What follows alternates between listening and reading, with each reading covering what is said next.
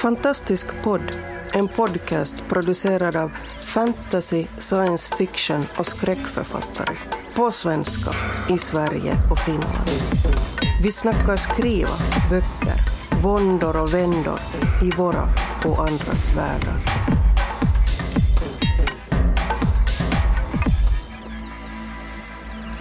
Hej och välkomna till Fantastisk podd. Jag heter Oskar Källner och med mig idag så har jag Anders Björkelid, Boel Berman och Marcus Sköld. Och eh, idag tänkte vi prata om varelser, alltså andra varelser än mänskliga varelser. Därför att eh, det är ju en eh, alltså, det här är ju någonting som eh, kanske är unikt för just alltså, fantastiken som, eh, som genre, eller som genrer i pluralis. Alltså all litteratur handlar väl på ett sätt eller annat om att gestalta. Eh, men eh, just fantastiken, här har vi möjlighet att kunna gestalta varelser och karaktärer, eh, tänkande och känslor med mera som faktiskt inte behöver vara mänskligt. Uh, och uh, min fråga helt enkelt till, uh, till oss allihopa är väl egentligen, alltså ni börjar med, vilka varelser tycker ni är intressanta att skriva? Och vad har ni för tips och idéer och tankar kring hur, hur ska man då gestalta de här varelserna på ett sätt som känns spännande ehm, och som kanske på något sätt är trovärdigt för de här. Är det någon som vill börja? Ska vi hugga Boel?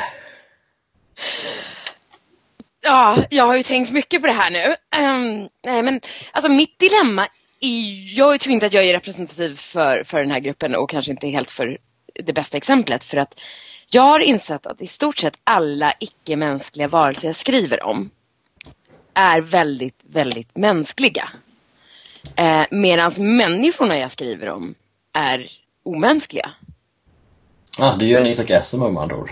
Jag liksom klistrar på mina ideal för hur jag tycker att människor ska vara. Alltså att det inte bara ska handla om överlevnad och själviskhet och liksom Alltså utan att det ska handla om medmänsklighet och samhörighet och frihet och fri vilja och liksom Och så klistrar jag på det på, på speciellt robotar jag är ju tokig i. Um, och, och, och, sen så eh, är människorna oftast de som beter sig som jag tycker inte människor borde göra. Och de är väldigt icke-mänskliga på det sättet. Ehm, så, men, men jag robotar är mina favoriter. Ehm, om jag har några råd och tips så kanske de egentligen men, borde vara mindre men, mänskliga. Det här, det här var intressant. Så du, du ser alltså snarare det mänskliga i den andra mm. snarare än i en själv? Ja. Oftast brukar det annars vara tvärtom, att uh, det är den andra som är det främmande, okända och märkliga och det, den, den, den, den själv, det egna, som står för det mänskliga. Men du vänder upp och ner på det. Ja, alltså i många noveller så skriver jag ju ur den icke-mänskliga varelsens perspektiv. Eh, och då blir det ju jaget som blir mänskligt fast det inte är en människa. Ah, just det. Eh, men, men det, visst, det finns ju undantag. Alltså, I den nya människan eh, så så är ju också, alltså det det leder till någonstans är väl att människor inte är, inte står för det bästa. Eh, Medan de här barnen som föds någonstans, alltså de, där är ju undantaget, de är inte speciellt mänskliga som vi definierar mänsklighet.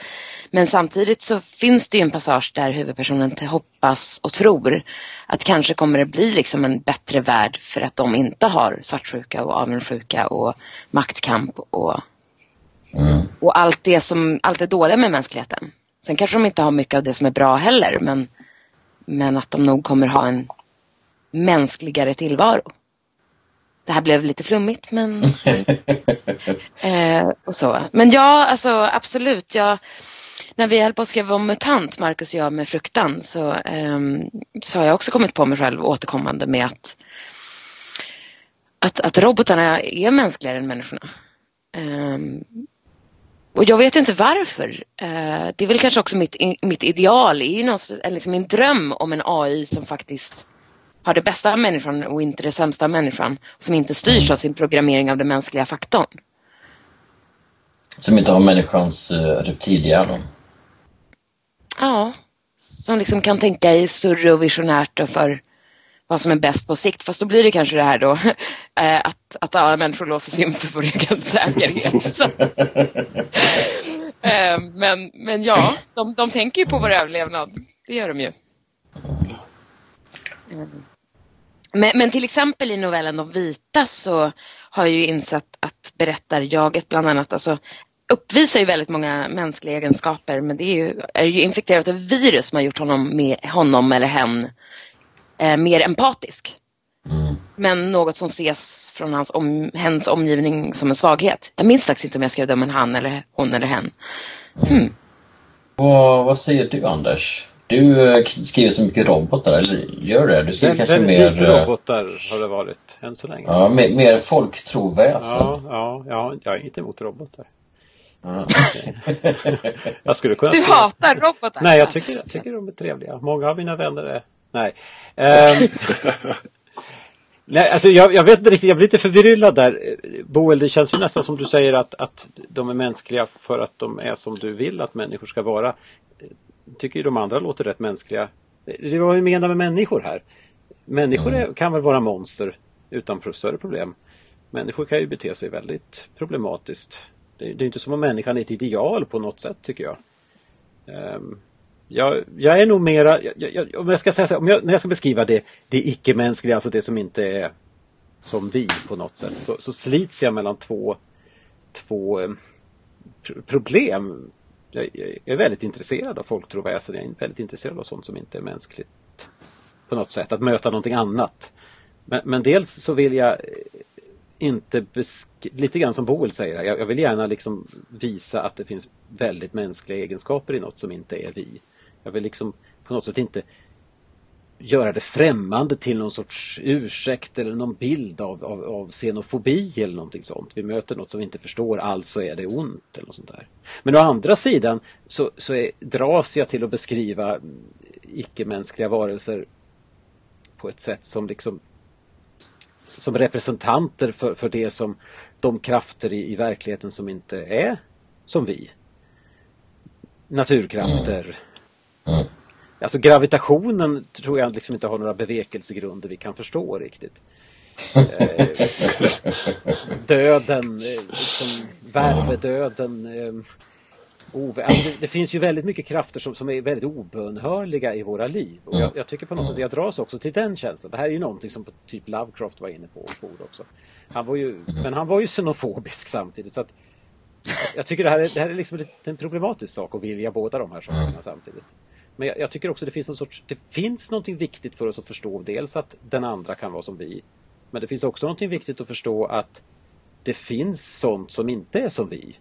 Det finns saker som vi inte liksom kan förgulliga eller förmänskliga eller något sånt där. Vi, vi, vi är liksom lite grann för bra på att göra djuren till, till antropomorfa djur på något sätt. Det är, det är ju trevligt men, men jag menar om du kommer mellan en björn och hennes ungar så äter hon kanske upp dig ändå. Fast det gäller nog en, nästan en människa också. Ja det gör det ju men jag menar där, där, där kan du ju kanske liksom resonera eller du kan, du kan på något sätt du kan nå fram även om du kanske inte lyckas. Björnen är ju väldigt mm. svårt att men det där är lite lustigt, förlåt, för nu, nu lät det så här när vi säger de andra kan vara som vi. Och det någonstans läser man ju in som positivt. Och så bara, det finns andra Nej, som inte är som vi och det kan ju också vara positivt. Ja.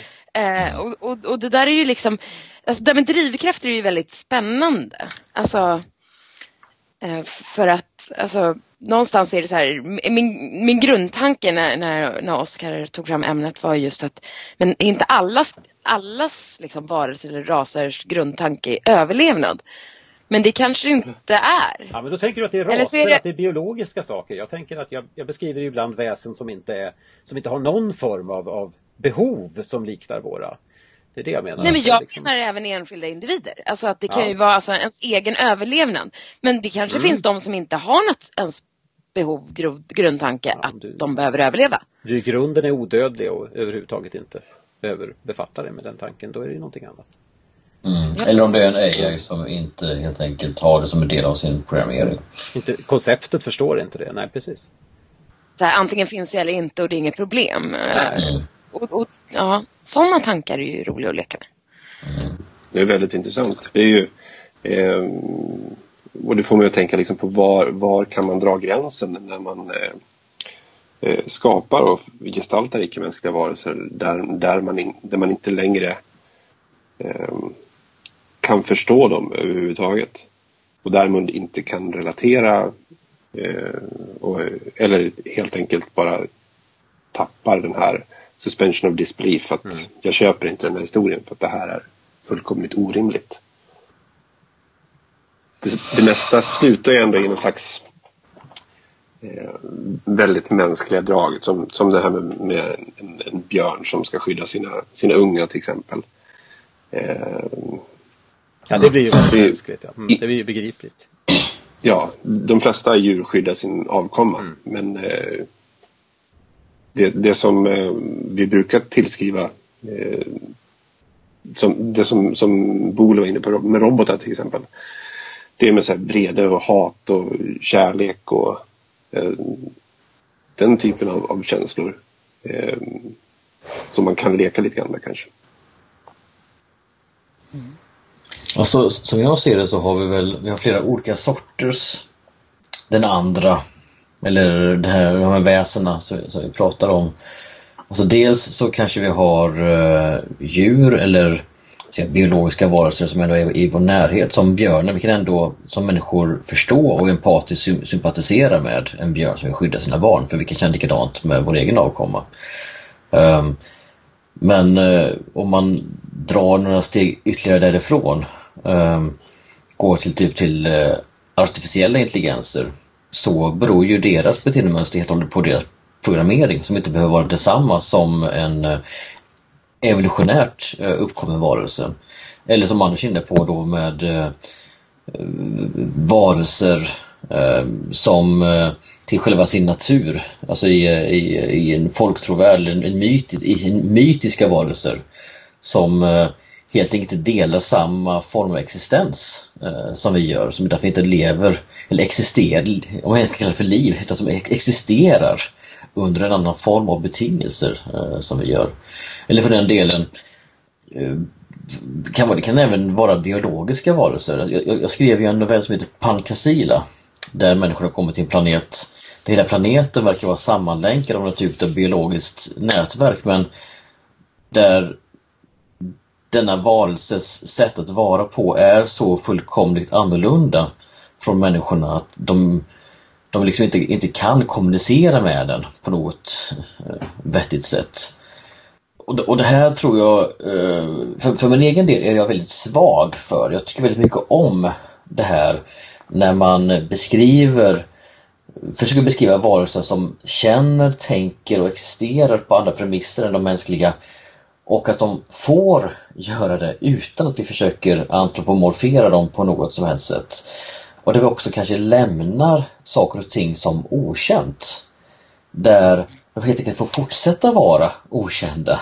Där läsarens och även min egen författar insyn i det hela får vara bristfällig och därför får fantasin fortsätta att säga, eka och spinna vidare på det här även efteråt. Mm. Där, där är ju en av mina absoluta favoritromaner.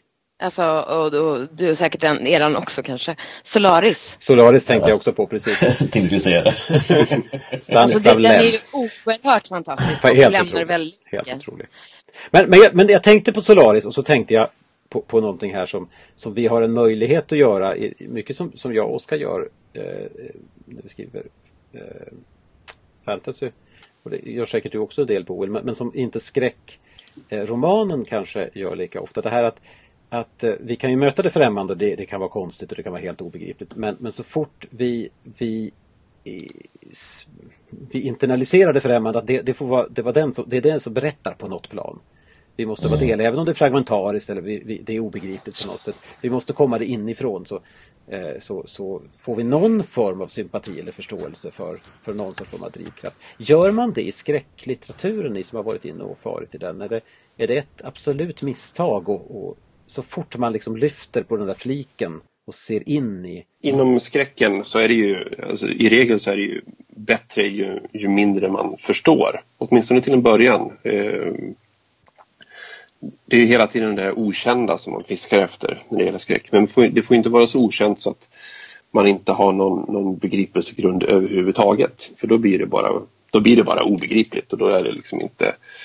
Eh, man måste förstå att det finns eh, någon form av hot där eller någonting sånt där.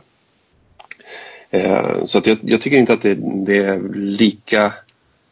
Eh, eller vill man förklara varför de här icke-mänskliga varelserna inom skräck beter sig på ett visst sätt eh, så tror jag att man behöver vara beredd på att man kanske ramlar ur skräckgenren mm. eh, in mot den delen av boken där, där man börjar förklara för mycket. Mm. Ja, alltså det här, det här är lite klurigt. Eh, jag tror att det funkar jättebra i skräcknoveller. Eh, jag har för mig att Anders Fager bland annat gjorde det väldigt mycket som stildrag i eh, svenska kulter. Just att han berättar mm. ur monstrets perspektiv. Ja. Och liksom vänder på perspektivet. Att man kanske inte ens inser det från början och sen blir ganska obekväm av det. Eh, sen, liksom, sen är det liksom definiera, alltså, det finns ju traditionell skräck, liksom, uppbyggnad och, och sen finns det ju andra saker som bara är skrämmande. Så att det tassar ju in på fantastikområdet. Men eh, alltså jag tror att det går att berätta uh, och just skapa skräck ur monstrets perspektiv. Men gör man dem för mänskliga eller för begripliga så blir det nog inte skräck utan då blir det nog fantasy. Ja, precis. Det är en gränsdragningsfråga vad man anser liksom, höra till skräckgenren och den är ju väldigt vid. Eh, och det finns ja, ju... Men blir man rädd? Liksom, så här, blir man rädd? Ja, man inte blir rädd. Det, det, är väldigt individuellt. Eh, och jag tror jag vet vilken novell du, du, pratar om och jag tycker inte att den är läskig alls. Däremot tycker jag den är väldigt bra. Men eh, så, så kan man ju definitivt göra i en, en eh, novellsamling till exempel. Men om man ska skriva en, en ren skräckberättelse så då, då tror jag att eh, man kanske ska akta sig lite grann för det. det om finns... man inte siktar på andra egenskaper. Eh, någon slags eh, psykologisk eh, tanke kring det. Det finns väl någon sorts, någon sorts eh, gräns där också i skräcklitteraturen. Att det finns dels skräcklitteratur som vi kan definiera med att den ska skrämma. Men sen finns det väl också skräcklitteratur som egentligen bara använder sig av skräcklitteraturens rekvisita. För att berätta ja. andra berättelser. Att det, Clive Walker tycker jag oftast går liksom på båda sidor om den gränsen. Ibland så är det liksom ja, mera en, en en, en, han är fascinerad av blod och död och kött och, och, och, saker och ibland beskriver han det som en sorts fantasyvärld som har de sakerna och ibland Nightbreed till exempel kan liksom vara åt det hållet. Ja. Där vi ska sympatisera med monstren rakt av och ibland så är det liksom rena skräckberättelser där vi ska bli rädda. Ja precis och det, det är ju problematiken med gränsdragningen inom skräck. Det är ju så fort det innehåller någon typ av icke-mänskliga varelser så då är man ju och flörtar där med att hamna i skräckträsket. Men, men får, jag, får jag ställa en fråga som, som kanske liksom skär genom det här med fantastik och, och det, det andra mm. och skräck på något sätt och se om, mm. det kan komma någonstans med det. Jag tänker på en novell av Stephen King. Uh, Apt Pupil, känner ni till den? Nej. Den, den, den är från en av hans uh, Four Seasons sviten, den som The Body är med som blev filmatiserad som Stand By Me. Um, den, den handlar om en, en, ganska otrevlig kille som eh, får reda på att en, en eh, gammal man i hans närhet är i själva verket nazistisk flykting från Tyskland under kriget och har levt under skyddad identitet på något sätt. Och han eh, konfronterar den här mannen och eh, hotar och jag vet inte om han torterar honom men han, han är ja, han, han är odräglig mot honom på olika sätt, obehaglig mot honom tills han får den här personen och berätta om allting som han var med. Han, han var någon form av lägerledare i ett, i ett koncentrationsläger. Och den berättelser han får då från den här mannen förändrar honom mer och mer så att han blir vidrigare och vidrigare och till slut det slutar tror jag med att han sitter på någon eh, motorväg och med ett prickskyttegevär och skjuter folk urskillningslöst. Så vi liksom är med när monstret skapas på något sätt och den är ju den är djupt obehaglig och otäck. Um, och vi möter vi möter det otäcka inifrån. Men, men vad skulle hända om, här, det här är helt realistiskt. En av sakerna är att vi vet att den här typen av här, mänskliga monster har funnits och skapats. Människor har jobbat vid koncentrationsläger och de har gjort de här sakerna. Skulle det gå att göra det här då åt andra hållet? Skulle vi kunna skapa något skulle vi kunna ersätta den här gamla nazistledaren med någon sorts form av korrumperande demon? Skulle vi eller den här unga mannen som någon sorts form av demoniskt väsen som långsamt liksom hittar fram till sina helvetiska alltså, krafter. Skulle, skulle det förta hela kraften då? Alltså jag har inte läst den men jag skulle tro att det förtar kraften. Mm. För att det som är det mest skrämmande är att det är att det skulle kunna vara på riktigt. Mm. Att det känns realistiskt. Och, och då är liksom en, en korrumperande demon inte lika skrämmande för då har man på något sätt en ursäkt. Det är lite när Marcus och jag pratade onda barn och det är så här, jag tycker att det mest skrämmande är barn som är som beter sig omänskliga och mobbar. Det här är, är, är en eh, panel som ni hade på senaste Ja, precis. Ja, på kontur. Precis, på kontur. Eh, nej men just att, att, att jag tycker att egentligen att barn utan krafter är mer, alltså onda barn som onda utan krafter och demonbesatthet är mer skrämmande mm. Eh, än, än, än Damien, djävulens son. Mm. Eh, men, men då är vi tillbaka där i att liksom det, det är så skrämmande med omänskliga handlingar från människor. Eh, och, och, på något sätt så är det liksom att det är intressant med ett monster som skapas som är en människa. Eh, det är ju såklart intressant att se ett monster skapas som inte är en människa men, men då är det på något sätt en helt annan, då är det mer fascination och spännande mm. av varelseutvecklingen. Mm. Ja. Eh, är ni med mig? Håller ja. ni med mig? Ja, men det är lite jo, intressant. jo, men det har väl att göra med eh, att eh, vi som människor har lättare helt enkelt att identifiera oss med andra människor och när vi då ser en människa uh, gå åt monsterhållet så ger det oss helt enkelt större skälvningar än om det är någon annan typ av varelse som vi har svårare att uh, känna med. Samtidigt är det ju väldigt mycket problem. Det här är ju väldigt mycket tidens anda och nyheterna överhuvudtaget. Alltså, det, det är ju väldigt klurigt det här att, att vi gärna vill säga han var ett monster eller han gjorde det här och att man reagerar så vid liksom svåra händelser och terrorattacker. Att man liksom, vad är det för monster som gör det här? Samtidigt är det ju ett problem när man att det är ju människor som gör det här och de har i sitt sinne någon form av förklaring eller motivering till mm. dessa vidriga händelser. Jo, jo men utifrån jag... deras perspektiv, utifrån det metanarrativ de jobbar ifrån så är de ju hjältar. Ja, och samtidigt så är de för mig liksom precis lika obegripliga som ett monster som har helt andra referensramar, kommer från parallella universum och liksom har en helt annan agenda.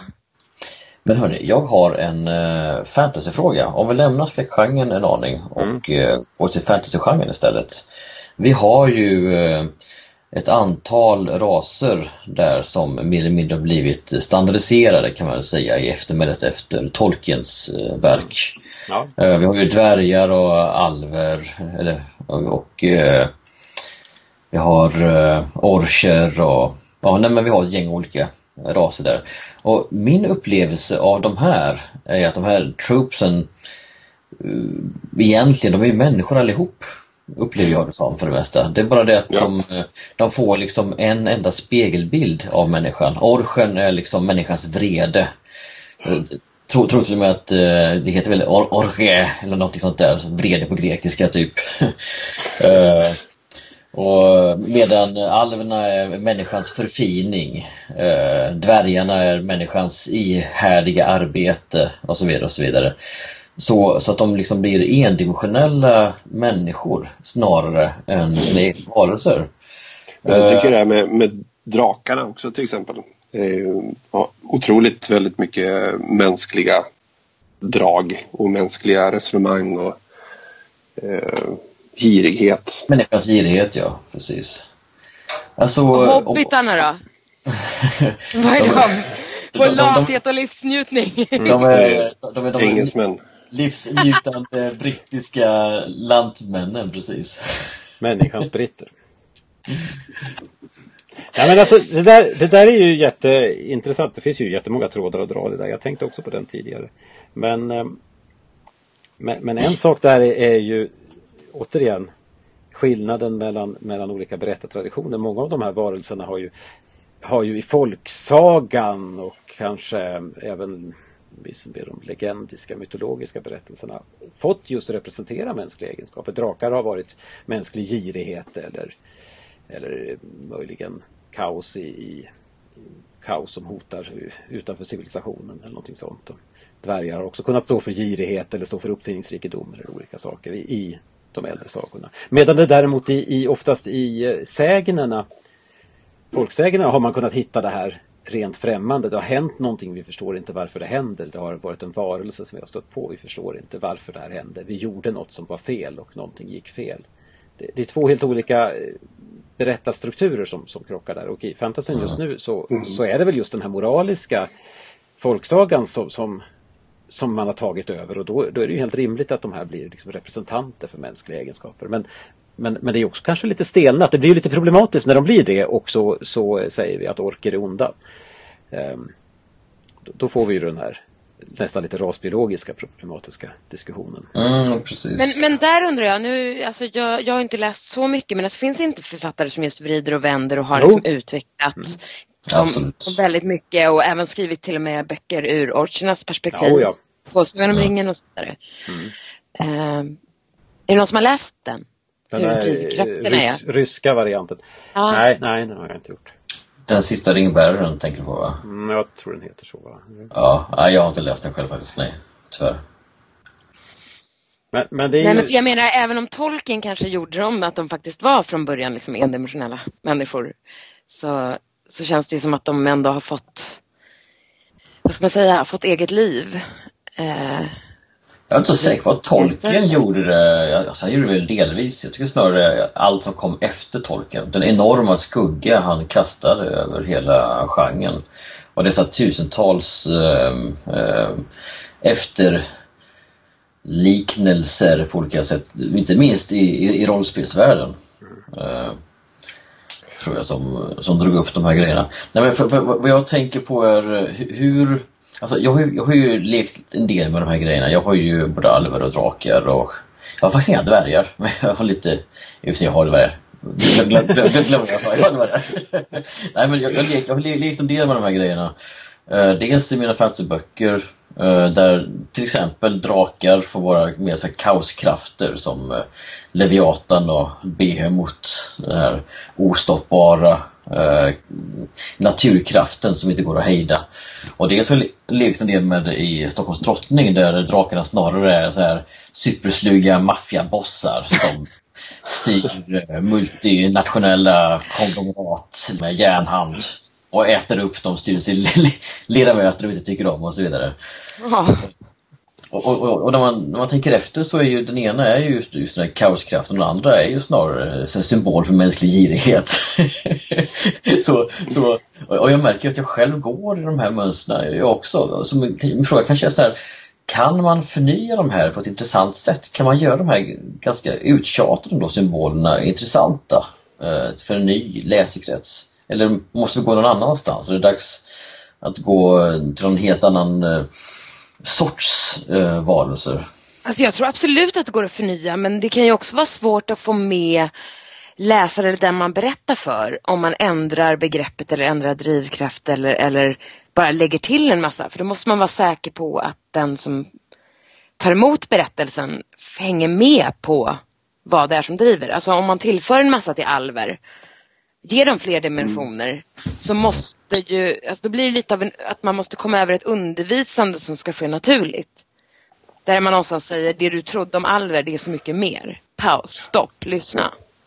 Det, det finns väl vissa regler som man måste förhålla sig till när det gäller liksom sådana här etablerade varelser. Eh, men sen så är det ju som med allting att om du kan reglerna så kan du bryta mot dem också. Men det måste ske med någon form av respekt för eh, vad, vad folk förväntar sig av en, av en drake eller av en alv eller en vampyr. En, en drake som helst av allt vill jobba som florist. Helt rimligt. Ja. Det låter bra. Är det liksom en underliggande dröm hos alla drakar eller hur? du och Douglas Adams kan komma undan med det. Men alltså, det där är ju ofta någonting som, som irriterar mig med fantasy. Det här att, att just, just det du säger Marcus, det här att, att läsarna förväntar sig vissa regler. Jag, skulle, jag vill ju gärna liksom att varför ska vi, varför ska vi bry oss om det? Eh, men samtidigt inser jag ju att jag måste ju göra det på något sätt. Jag har ju själv gjort Visst är det frustrerande? Ja, Men alltså, man måste ju inte respektera, alltså, man måste Nej, inte nej, vara, men man vara kan- trogen, men man måste ju ändå veta att så här, så här tror folk att alver ja, är. ja. Och det är väl därför det kanske är lättare att uppfinna en ras som kanske påminner väldigt starkt om alver men som helt plötsligt egna referensramar. Så att det inte heter alver och då kan man liksom börja från noll. precis. Det, Mm. det, det, jag, jag gjorde ju, jag gjorde ju en, en ras eller någon sorts mänsklig varelse eller någonting sånt i, i min berättelse om blodet. Då, de som kallas folket av blodet.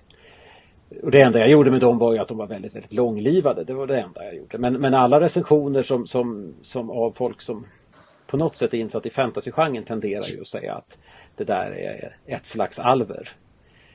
Mm. Och, och då, det blir ju precis som Oskar säger, det blir väldigt speciellt om det är om det här är människor med en enda avvikande egenskap, de är långlivade. Då, då har vi alver. Oavsett vad det är. Det, det har ju, för mig är det ju väldigt svårt. För mig har ju alver rötter i, i folktro på, på riktigt. Det, måste, det är väldigt mycket saker som måste uppfyllas för att vara det. Men, Fast men, det finns ju en poäng alltså, i att alltså, ehm, alltså, man kan ju ändra en enda förutsättning med människor och det kan ju påverka hur människor är, hur de beter sig, hur kunskap ja, sprids. ja, kan påverka hela samhället i stort.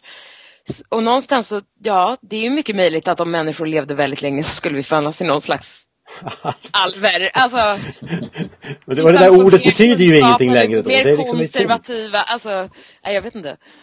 det är ett väldigt, väldigt tomt, tomt som dansar omkring i våran kristalltorn. Ja, ja precis. Det är också någonting i det. Det, det är ju väldigt fascinerande att vi har lyckats skapa i fantasylitteraturen Eh, ett antal icke-mänskliga saker. Vi är ju tillbaka till det här med att beskriva det icke-mänskliga. Här har vi lyckats skapa ett antal icke-mänskliga saker som, som folk tycker sig känna igen gång på gång på gång.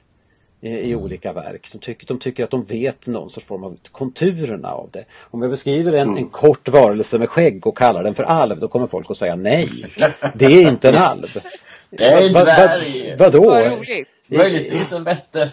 Svartalver, ljusalver och dvärgar var samma sak i fornnordisk mytologi i stort sett. Det är inte så stor, stor skillnad där. Så det kan det väl vara? Vi är helt vansinniga. Ja, ja, det tror jag folk skulle bli. Och det är ju väldigt intressant att vi har lyckats definiera något som inte finns så tydligt så att folk faktiskt tycker sig känna igen det överallt. Jag vet inte liksom om, om, om det finns motsvarande i science fiction-litteraturen, om det finns motsvarande i skräcklitteraturen. Att man liksom verkligen är fast vid att de här sakerna Ja, finns. alltså finns. be- Ja. Frankensteins monster och kalla honom Dracula skulle göra folk tokiga. Ja. Och det, och det är ju intressant för att, för att eh, vampyrer i, i ursprungliga folktrosaker är ju väldigt mycket mer lika zombier. Ja, visst. Eh, uppsvällda lik som, som inte har någon större intelligens och som går upp ur gravarna på nätterna och liksom äter folk. Ja. Ja, samtidigt finns det ju andra varelser i mytologin då som så här, maran och sånt som kanske då mer liknar Det vi vissa vampyrer. varianter av vampyrer. Ja, just det. Precis.